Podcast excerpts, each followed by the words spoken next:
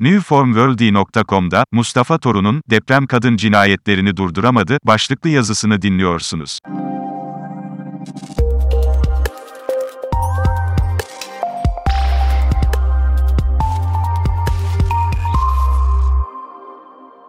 Okuyor musun? Okumalısın. Sana yalvarırım. İnsan aklını ve sinir sistemini ancak böyle koruyabiliyor Rosa Luxemburg, ülkemizde kadınlar Şubat ayında da maalesef öldürülmeye devam etti.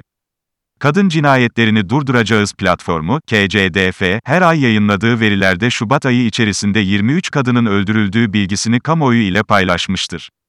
Desteklerinden dolayı Aziz Muhammed Ulubaş'a teşekkür ediyorum. Platformun verilerine göre Şubat ayında 11 kadın cinayeti işlenirken, 12 kadının ise şüpheli bir şekilde ölü bulunduğu aktarılmıştır. Öldürülen 11 kadından 4'ü kendi hayatına dair karar almak istemesi bahanesiyle, ikisi ekonomik nedenler ile öldürülmüştür. Beşinin ise hangi bahaneyle öldürüldüğü tespit edilememiştir. Peki kadınlar kimler tarafından öldürülmüştür? Şubat ayında öldürülen 11 kadının 4'ü evli olduğu erkek, 3'ü eskiden evli olduğu erkek, biri birlikte olduğu erkek, biri babası, biri kardeşi ve biri tanıdığı kişi tarafından öldürülmüştür. Bu ayda kadınların %36'sı evli olduğu erkek tarafından öldürüldüğü rapora geçmiştir. Kadınların en çok evlerinde ve kesici aletle öldürüldüğünü okuduğumuz rapordan anlıyoruz. Kadınların 9'u evinde, biri sokakta ve biri arabada öldürülmüştür. Bu ayda öldürülen kadınların %82'si evlerinde öldürülmüştür. Ayrıca bu ay öldürülen kadınların 6'sı kesici aletlerle, 5'i ateşli silahlarla katledilmiştir. Öldürülen kadınların %55'inin kesici aletlerle öldürüldüğü belirtilmiştir. Türkiye'de yaşanan büyük depreme de yer verilen raporda, bir kadının erkek terörü yüzünden öldürüldüğü bilgisi paylaşılmıştır. Platformun paylaştığı raporda Hatay'da A, A, depremde evi hasarlı olduğu için iki çocuğuyla birlikte eskiden evli olduğu S, A'nın evine dönmek zorunda kaldığı, S, A'nın eski eşi A, A'nın üzerine uyurken kaynar su dökmüş, A, A, failin, dua et seni öldürmedim, dediğini ifade etmiştir. Yine Hatay'da Ş.K., depremde evi hasar gördüğü için çocuklarını, boşanma aşamasında olduğu İK'ye bırakmak zorunda kaldığı, Ş.K.'nin çocuklarını görmek istediğinde, fail tarafından şiddete maruz kaldığını öne sürmüştür. Tek yaşayan kadınlara çadır verilmediği raporda vurgulanmıştır.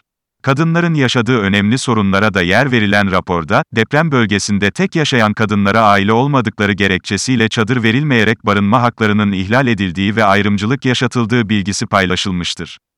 Güvenlik şüphesiyle çadır kentlerde kalmak istemeyen kadınlara güvenli alan sağlanmamıştır. Böylece fiilen son günlerde gündemde olan, iktidar partisinin iki kadın sorumlusunun kırmızı çizgimiz diyerek savundukları 6284 nolu yasa hükümleri depremde uygulanmamıştır.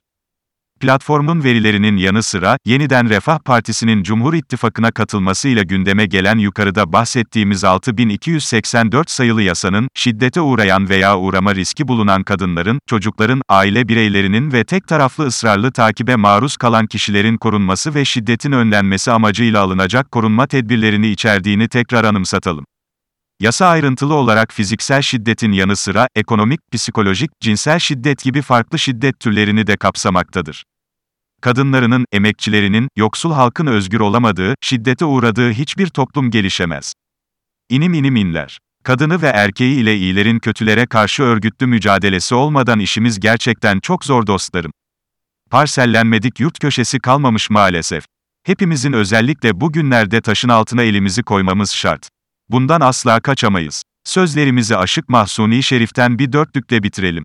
Ustamız ışıklar içinde uyusun. Parsel parsel eylemişler dünyayı, bir dikili taştan gayrı nem kaldı. Dost köyünden ayağımı kestiler, bir akılsız baştan gayrı nem kaldı. Sevgilerimle, diyor, Mustafa Torun newformworld.com'daki köşesinde.